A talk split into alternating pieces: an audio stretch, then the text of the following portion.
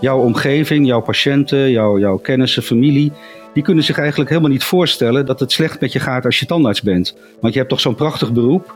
Je hebt uh, uitdagend vak in hun ogen, je hebt een goed inkomen. Ja, men kan zich er moeilijk in verplaatsen dat een tandarts het mogelijkwijs ook zwaar zou kunnen hebben. Je luistert naar NTVT Dentalk, de podcast van het Nederlands tijdschrift voor tandheelkunde. We gaan hier in gesprek met belangrijke experts, interessante onderzoekers en boeiende ervaringsdeskundigen. En misschien wel met jou. De presentatie is in handen van tandarts-epidemioloog en hoofdredacteur van het NTVT Casper Bots. Welkom bij NTVT Dental Podcast. Vandaag gaan we het hebben over stress en burn-out in de mondzorg. Een belangrijk onderwerp waar je vroeg of laat als tandarts of mondhygiënist tegenaan kan lopen. Het blijkt dat steeds meer tandartsen hiermee te maken krijgen. We spreken hierover met dokter Ronald Gorter en Jozef Wouters. Ronald is gepromoveerd op burn-out bij tandartsen en momenteel werkzaam als universitair hoofddocent bij de sectie Dental Education Research op ACTA. Om met jou te beginnen, Ronald, hoe is het uh, deze periode voor jou? Nou, fijn om jullie te spreken, Casper en Jozef. Uh, bij, uh, net als half Nederland, werk ik ook vanuit huis. En de voornaamste taak op dit moment is om de studenten op afstand te helpen bij hun studievoortgang. Oké, en lukt dat een beetje? Ja, dat gaat vrij goed, omdat er uh, best wel veel online mogelijk is. Alleen het grote probleem voor onze studenten is het, de praktische onderdelen. Hè? Dus de prekliniek en kliniek, dat ligt natuurlijk stil. Ja, dat is heel lastig, uh, onmogelijk om digitaal te doen. Het levert wel stress op bij ze, kan ik zeggen. Ja. Ja, dus dat uh, zullen we misschien later zien in de andere onderzoeken die dan over deze periode gaan. Ja. Uh, verder aan de lijn op veilige afstand uh, Jozef Wouters, ergonoom, arbeidsdeskundige, oprichter en mede-eigenaar van bureau Tezet.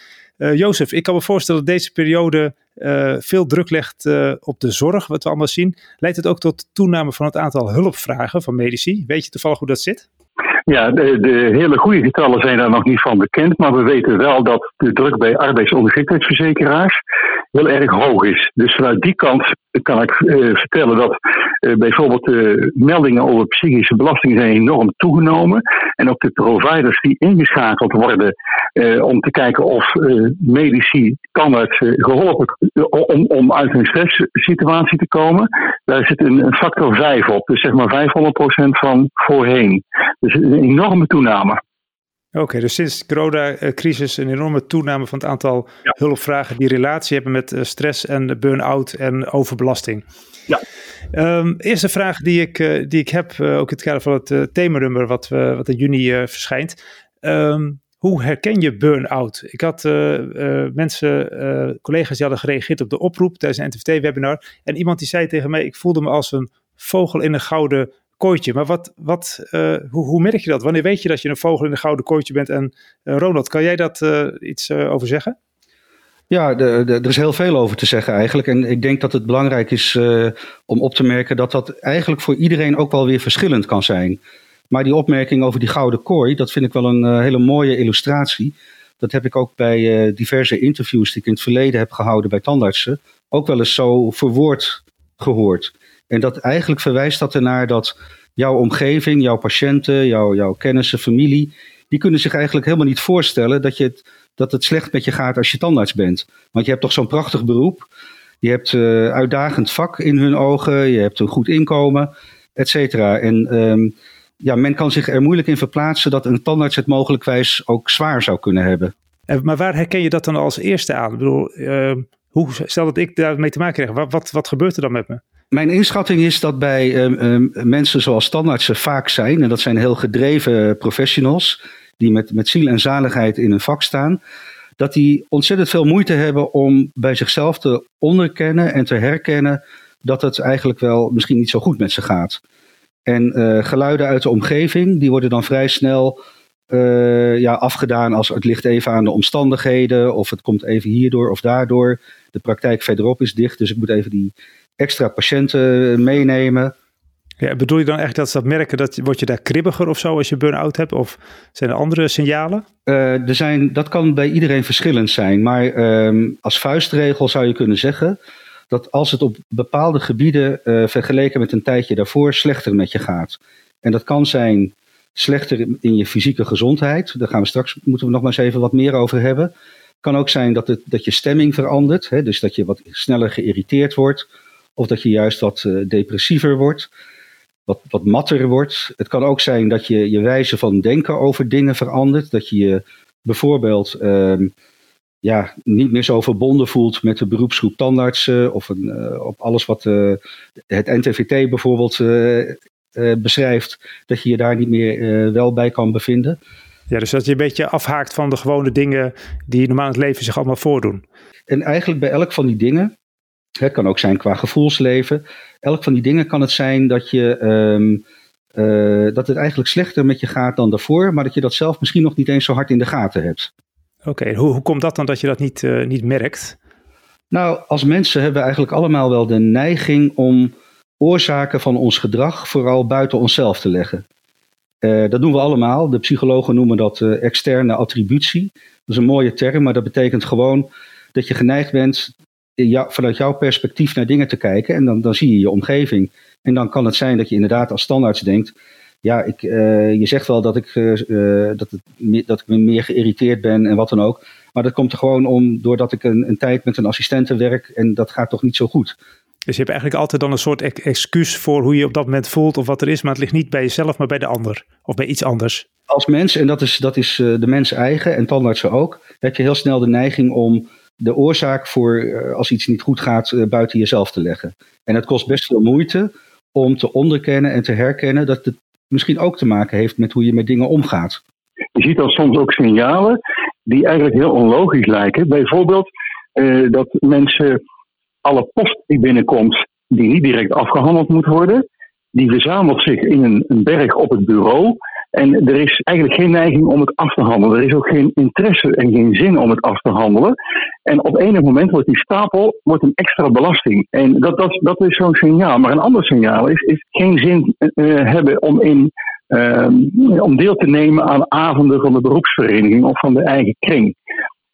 Ook is zo'n signaal dat cursussen die, die komen langs en dan denk, denken tandartsen soms wel eens, ja, dat is meer van hetzelfde. Ik, ik, ik hoef niet meer naar de cursus. Of je ziet dat de uh, interesse in de ploeg minder wordt. Uh, minder interesse in de mensen van je team waarmee je werkt. Of dat zondagavond al tegen de week aangekeken wordt van, oh jee, ik moet morgen weer beginnen. Dat zijn allemaal kleine signalen die een voorbode kunnen zijn van grotere problemen. jullie noemen beide, Rodald en uh, Jozef, jullie noemen uh, met name mentale uh, dingen. Kan het ook zijn dat je het lichamelijk merkt of dat het daarmee begint of gaat het wel eens samen? Ja, wat heel grappig is, is dat in, in het proefschrift van Ronald er een hele duidelijke correlatie zichtbaar is tussen lichamelijke klachten en mentale klachten. Als die mentale klachten er zijn, dan worden ook heel vaak scoren mensen op fysieke klachten. Wat voor klachten moeten we dan denken? Dat is best wel divers. Nekklachten komen veel voor, schouderklachten, rugklachten. Mensen geven dan bepaalde klachten aan. Als je voor een ergonomisch onderzoek bij eh, tandartsen of mondhygiënistes komt, die dit soort klachten aangeven. En je bent er langer in de praktijk en je praat verder en je praat verder. Dan komt het heel vaak voor dat het toch ook een onderliggend probleem is. En op het moment dat je dan met ergonomische oplossingen komt, ga je volledig mis.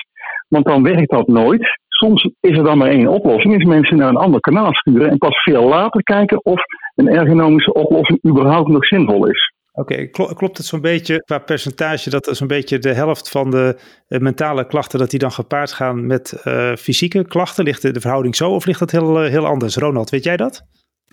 Nou, ik denk dat je niet op percentages moet gaan verkijken. Maar wat keihard bij elk onderzoek naar voren komt, en zeker bij tandartsen, is dat tandartsen die in de rode zone zitten, die eigenlijk uh, roofbouw aan het plegen zijn op zichzelf, zonder het zelf in de gaten te hebben, dat die on, onnoemelijk veel uh, fysieke klachten hebben. En dat kunnen kleine klachten zijn, dat kunnen ook wat, wat sterkere klachten zijn. En het is eigenlijk soms voor tandartsen makkelijker om te onderkennen dat ze fysieke klachten hebben en daar last van hebben, dan dat ze meteen de link kunnen maken naar zou het qua mentaal welbevinden ook wel goed gaan met mij. Oké, dus je moet eigenlijk meer de fysieke klachten als een eerste signaal serieus nemen. kijken hoe dat ook is. Het kan natuurlijk deels in de ergonomie liggen, maar niet onderschatten dat er mogelijk ook iets met mentaals achter kan zitten. Heb je dat eigenlijk heb ik dat zo goed uh, samengevat? Ja, zeker. En je, je moet niet, het is niet zo dat als je fysieke klachten hebt, dat je dan dus ook bezig bent op te branden. Zo uh, oorzakelijk kan je dat niet zien. Maar als je uh, wel degelijk in toenemende mate fysieke klachten krijgt, is eigenlijk remedie 1 goed nadenken van hoe kan ik zelf de link leggen met, met situaties uit mijn werk. Ook uh, mentale situaties, dus dingen die op je, op je mentale welzijn drukken.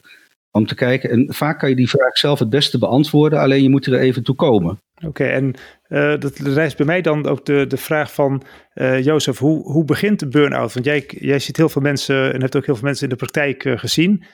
hoe signaleer je dat? Hoe, hoe begint het? Dat is heel verschillend. Dat varieert van wat Ronald net al vertelde, dat het, het patroon wat mensen laten zien, varieert enorm. Uh, het varieert van iemand die zijn uh, stoeltje door, de raam naar buiten, door het glas naar buiten heeft gegooid, omdat zijn assistente iets zei wat hem niet beviel, terwijl die assistente eigenlijk een hele steunende opmerking maakte, op mensen die eigenlijk de moed niet meer hebben om terug te gaan naar de praktijk. Maar het kan ook zelfs zo ver gaan dat mensen walgen om in hun praktijk te komen, en dat het zelfs zo is, als je met die mensen de praktijk inloopt, dat ze zelfs overgeven van ellende. Dus er zit een enorm breed scala in. Maar het kan ook zijn dat iemand zegt: Ik heb hoofdpijnklachten, ik heb nekpijnklachten. En dat wij ons helemaal gaan richten op de houding aan de stoel. Terwijl er een achterliggend probleem ligt, waarvan Ronald net al aangaf: je hebt werk, maar je hebt ook nog meer dan werk. Want elk mens is niet alleen werk, is ook privé is ook een stuk van wat wil ik in mijn leven, hoe ga ik om met mijn situatie waarin ik verkeer. En dat alles bij elkaar telt. Het is heel makkelijk om alleen te focussen op werk, maar er is vaak meer. Dus je moet naar het totaalplaatje kijken. Zou je dan kunnen zeggen dat iedereen potentieel risico heeft om een burn-out te krijgen? Of zijn er ook groepen of mensen die eigenlijk, uh, wat er ook met ze gebeurt, geen burn-out krijgen? Roland, heb jij daar toevallig onderzoek naar gedaan? Nou, wat, wat uit veel onderzoeken naar voren komt, is dat er uh, uiteraard hebben de, de werkomstandigheden zijn van invloed. En je kan je garanderen, en dat zullen de meeste luisteraars wel herkennen, dat een tandartspraktijk uh, vol zit met stressvolle factoren. Dat kan van alles zijn uitvallen van apparatuur, assistenten die ochtends belt dat ze ziek is, patiënten die zich op een manier gedragen die ja, het onderste van je uit de kan halen bij je, et cetera. Maar het heeft ook veel te maken met hoe je zelf in staat bent om te gaan met veranderingen of met stressvolle situaties. En, dan kom je eigenlijk pas achter als zich dat voordoet, denk ik, als zo'n stressvolle situatie er is. Of kan je daar, daarin trainen of kan je daarop voorbereiden?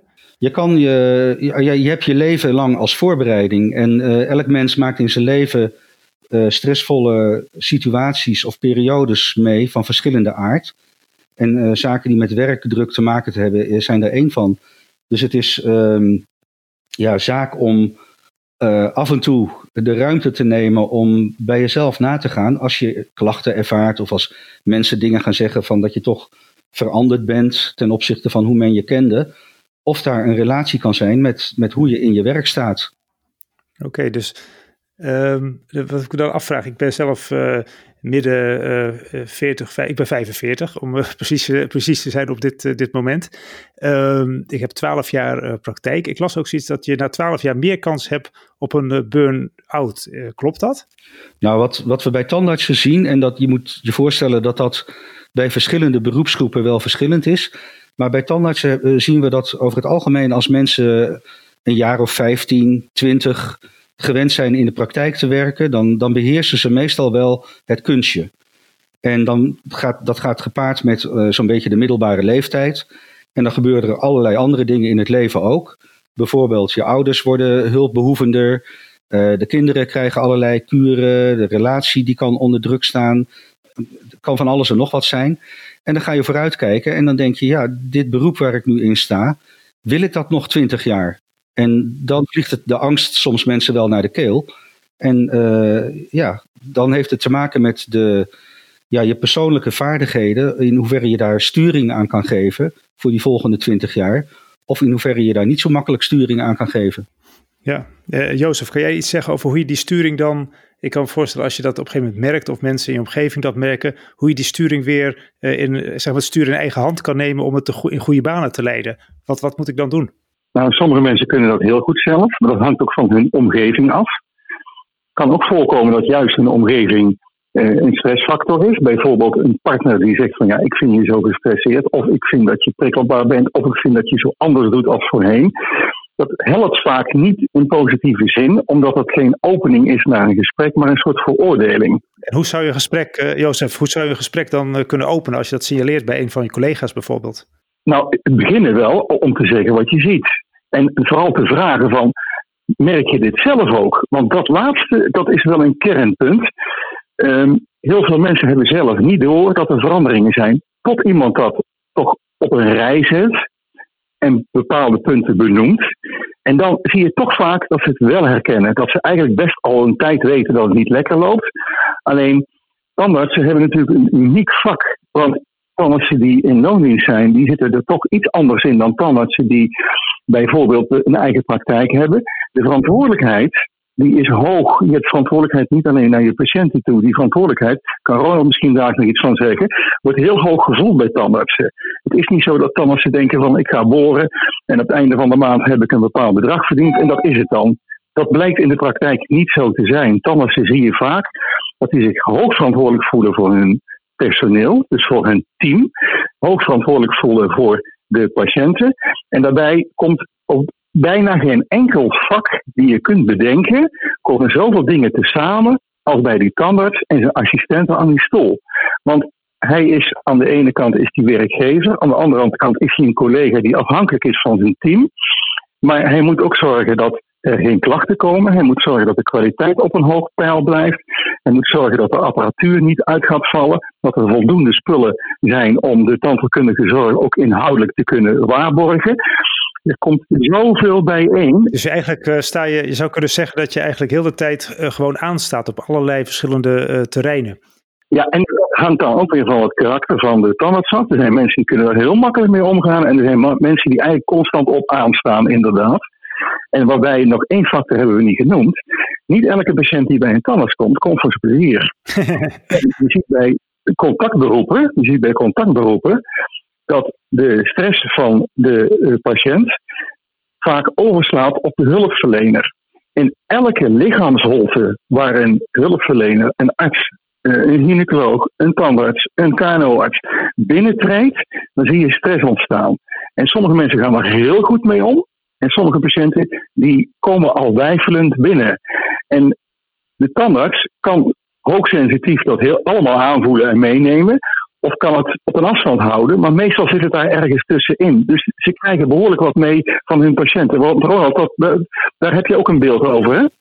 Nou, wat in de zorgverlening sowieso een uh, kunst is, dat is wat, uh, ik ben vergeten welke psychiater dat ook alweer zei, maar dat is maximale betrokkenheid met behoud van distantie.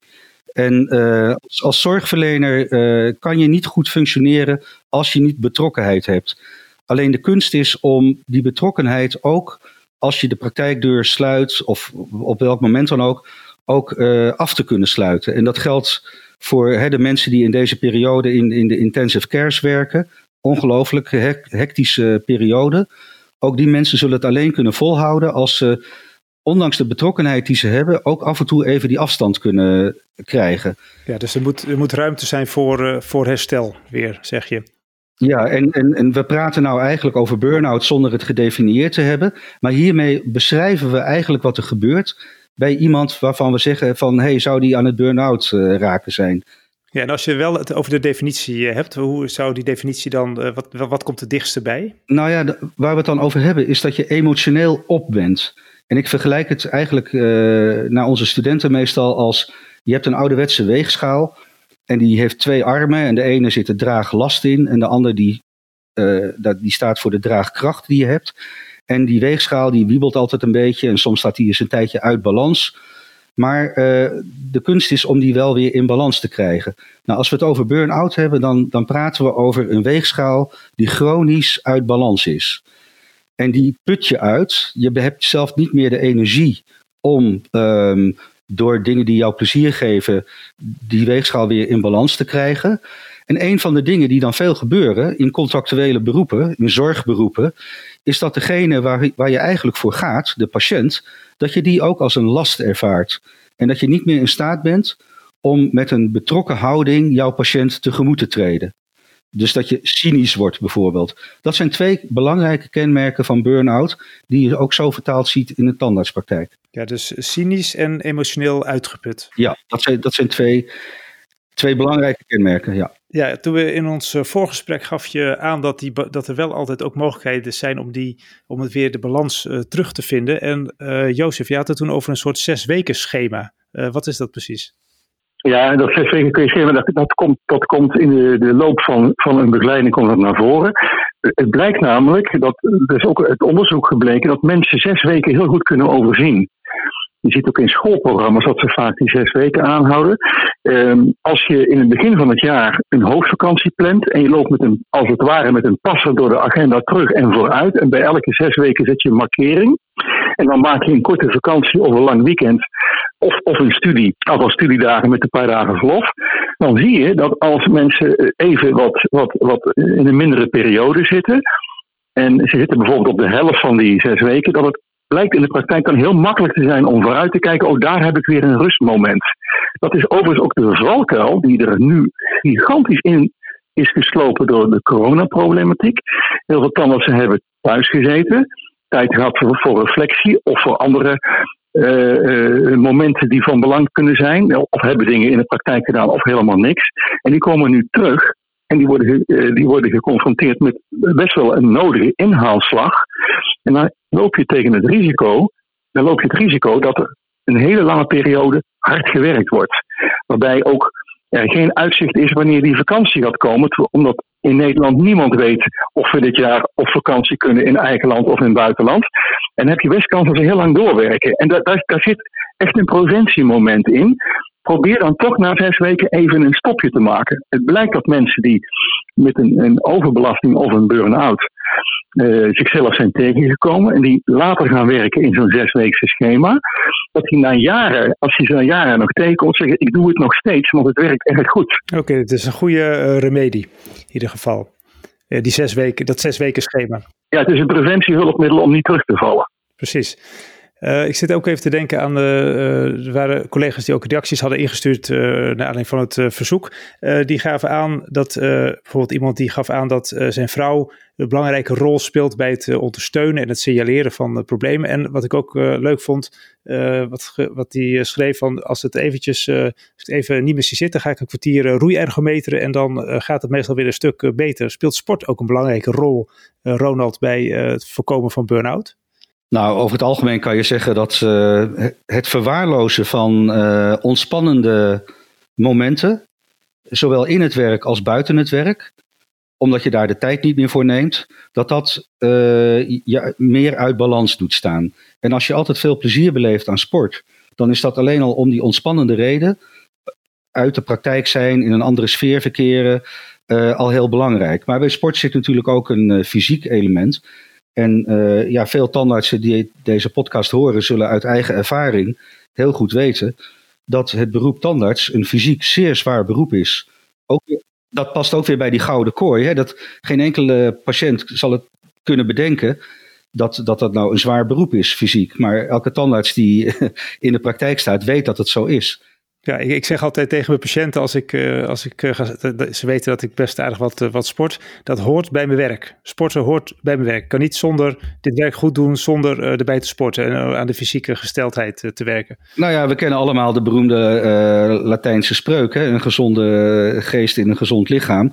En het is niet voor niets dat zo'n wijsheid door vele millennia heen nog steeds eh, op geld doet, want dat klopt. Ja, precies. En je kan jezelf geen slechtere dienst bewijzen dan ook al is je, is, is je praktijk hartstikke vol, ben je avonden aan het werk en, en uh, heb je personeelstekort.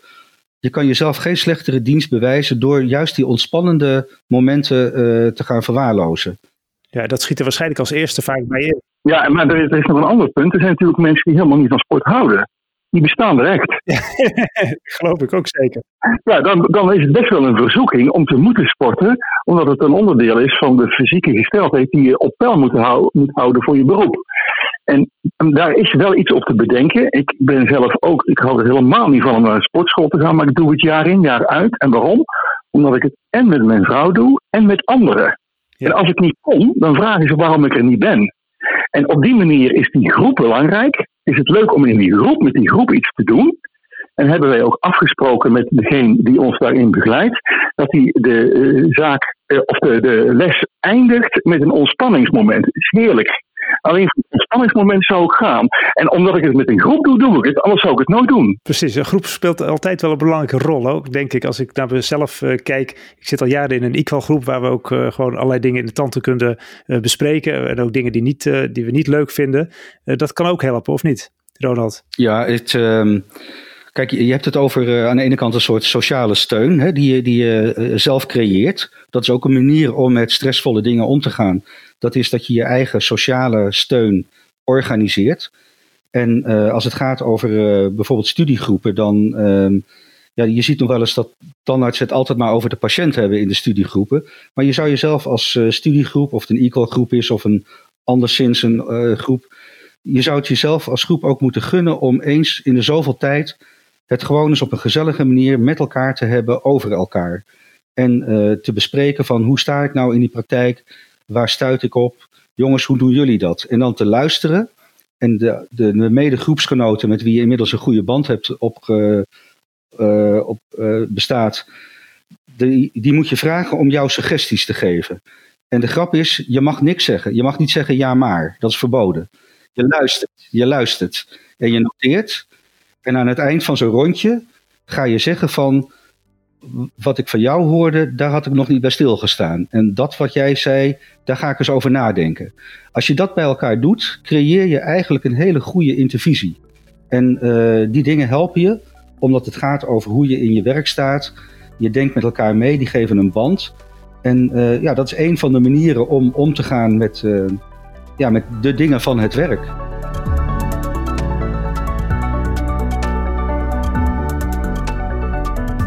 Ik wil eventjes naar het onderzoek gaan, uh, Ronald. Want je, ook in het NTVT staat een artikel over, uh, er allerlei artikelen over uh, stress en, en ook burn-out. Je hebt onderzoek gedaan naar studenten. Wat was studenten op ACTA? Wat was daar de belangrijkste boodschap? wat kwam daaruit, uit het onderzoek? Nou, een paar van de dingen waar we het eigenlijk net al over gehad hebben, die, die, die komen daar terug. En het is zo ongelooflijk belangrijk om tijdens de studieperiode als student al te leren kennen van jezelf hoe jij gewend bent om te gaan met studiestress. En ik kan je garanderen dat in allerlei internationale onderzoeken de studie tandheelkunde altijd naar boven komt als een bijzonder stressvolle studie. Omdat je naast het studeren ook heel veel verantwoordelijkheden moet dragen. En er zit best veel druk op. In sommige, in sommige gevallen ook heel veel financiële druk kan erop staan. Dus het wordt over het algemeen als een behoorlijk stressvolle studie ervaren. En je leert jezelf daarin kennen. We zien overigens ook dat ook al bij uh, jonge mensen, zoals studenten meestal zijn, daar ook al de combinatie is tussen ervaren studiestress en lichamelijke klachten. En dat is best iets om serieus te nemen. Wat komt daaruit dan? Nou, je ziet dat de studenten die aangeven meer gebukt te gaan onder studiestress, dat die ook onherroepelijk meer lichamelijke klachten rapporteren. Nou, zijn dat dan ook de, de, de, de tandarts die later ook meer kans hebben op burn-out? Of zou je dat niet zo kunnen zeggen? Ik zou dat nooit één op één durven zeggen. Maar ik weet wel dat wat je ziet bij studenten, dat dat echt een signaal moet zijn voor iedere student die dat bij zichzelf herkent. Om er de tijd voor te nemen om aandacht te besteden aan wat maakt nou dat ik die lichamelijke klachten ook krijg. Oh ja, dus daar komt eigenlijk weer die verwevenheid tussen dat mentale en dat fysieke komt uh, naar boven. En hoeveel procent van de studenten heeft al lichamelijke klachten? Oh, dat zit, uh, ik, ik, denk wel drie kwart. Het zijn verschillende studies, ja. Ja, ja zeker. En uh, dat, dat wordt wel meerdere keren is dat in kaart gebracht. En er zal in de komende NTVT, in dat themanummer, ook, uh, ook aandacht aan besteed worden. Maar het, weer doet hetzelfde zich voor. Het is soms makkelijker om je lichamelijke klachten te onderkennen en te herkennen, dan dat je je voor jezelf kan onderkennen en herkennen dat je misschien wel onder mentale druk staat. Oké, en hoe lossen, hoe lossen jullie dat op uh, op de faculteit? Uh, moeten studenten dat bij elkaar opmerken? Of hebben jullie daar, krijgen ze daar onderwijs over? Want ik kan me voorstellen in zo'n geval dat je liefst zo vroeg mogelijk met zoiets begint. Ja, gelukkig zie ik dat we in Amsterdam de laatste paar jaar verhoogde aandacht voor ergonomie hebben. En met studenten uit studie bewegingskunde om de hoek bij de hogeschool. Ehm, die komen stage lopen bij de tandheelkundestudenten. En tandheelkundestudenten worden in de gelegenheid uh, gesteld om een consult bij ze te hebben. Dus ze kunnen zich aanmelden en dan krijgen ze ergonomische les, ontspanningsoefeningen, houdingsoefeningen. Juist gericht op het leren omgaan met uh, ja, een, een, een moeilijke, fysiek moeilijk vak. Dus dat zou, haast, zou je het niet uh, beter dan haast mentale ergonomie kunnen noemen? Met zowel een mentaal gedeelte als een fysiek gedeelte, omdat het hand in hand gaat. In de ergonomie is dat toch niet van elkaar los te koppelen. En, wat, wat nog een aanvulling is op wat Ronald net eh, vertelde. Er worden nu bij laatstejaarsstudenten worden ook blokken praktijkvoorbereiding gedaan. Uh, Ronald en ik geven daar ook een stuk in. En wij proberen vooral de, de studenten te focussen op, uh, op zichzelf kritisch blijven volgen. En eh, een van de adviezen die we altijd aan studenten geven, zodra je in de praktijk bent, geef jezelf een cadeau. Als je aan het werk bent en je hebt salaris, en ga leren hoe je maximaal kunt ontspannen en weer bij je gevoel kunt komen. Er zijn trainingen voor, die noemen wij ook. Er zijn trainingen voor. En er zijn ook mensen die dat op latere leeftijd hebben gedaan. En die dan anders zeggen, dit had ik moeten doen direct toen ik als student de praktijk inging. Dus er, er wordt wel aandacht aan besteed. Alleen in een overvol curriculum, ja, we willen natuurlijk daar altijd meer aandacht aan, aan besteden, maar daar, daar zitten grenzen aan. Dat is best wel jammer. Ja, precies. Nou, stel nou, ik vroeg me nog even af, uh, als het nou zo, zover is dat je echt een uh, burn-out uh, hebt, uh, wat moet je dan doen? Of dat mensen die nu luisteren naar deze podcast, die denken van, ik heb al lang het gevoel dat er wat bij mij sluimert, of er zijn al mensen vanuit de praktijk die dingen hebben gezegd, of collega's. Wat is, wat, wat, zijn de eerste, wat is de eerste stap die je zou moeten doen? En hoe los ik, hoe los ik een burn-out op? Uh, Ronald, wat is de eerste stap? Nou, kijk, de, de eerste stap is te, te durven kijken naar jezelf en te durven luisteren naar je omgeving. Mensen die je vertrouwt. Maar ik heb al een paar keer gezegd in deze uh, podcast dat dat best lastig en moeilijk is. Dus dat, maar op het moment dat je signalen serieus kunt nemen, of je komt, uh, of de emmer loopt echt over, hè, dus je kan echt daadwerkelijk niet verder en je stort in, dan is het echt zaak om contact op te nemen met bijvoorbeeld de huisarts als eerste instantie. En de huisarts als een doorverwijzer te zien om je verder te helpen naar professionele begeleiding. Het in de wind slaan, het denken van, oh, als ik een weekje op vakantie ga, dan, dan, dan kom ik wel weer in balans dat is echt onderschatten van de chronische uitholling die heeft plaatsgevonden. Ja, ik begreep zelfs dat, uh, dat even een paar weken op vakantie gaan, uh, Jozef, dat dat soms ook gevaarlijk kan zijn, of niet? nou ja, we hebben wel eens meegemaakt dat een huisarts zei: van ga maar eens een, paar weken naar de Canarische eilanden, dan kom je tot rust. En, het tot rust komen en geconfronteerd worden met eh, in feite wat er aan de hand was, maakt dat die mensen eh, niet terugkomen. Een daarvan die ontwikkelde zelfs een psychose. En dan heb je wel een probleem om die terug naar, naar Nederland te krijgen. Dus het is niet altijd de oplossing. En uh, wat we uh, ook wel eens adviseren is: ga als je er met de huisarts niet uitkomt. Sommige huisartsen hebben een perfect gevoel voor, voor deze problematiek. Sommige huisartsen kunnen er niet zoveel mee. Maar als je daarin vastloopt, meld je bij je arbeidsongeschiktheidsverzekeraar. Want bijna alle arbeidsongeschiktheidsverzekeraars hebben een open mind ten opzichte van psychische problematiek. En ook ten opzichte van een begrip als burn-out. En die hebben gewoon vaste uh, uh, programma's op de plank liggen. Als je je meldt en zegt, ik zie het even niet meer zitten, ik ben er verantwoordelijk, maar ik zie het niet meer zitten.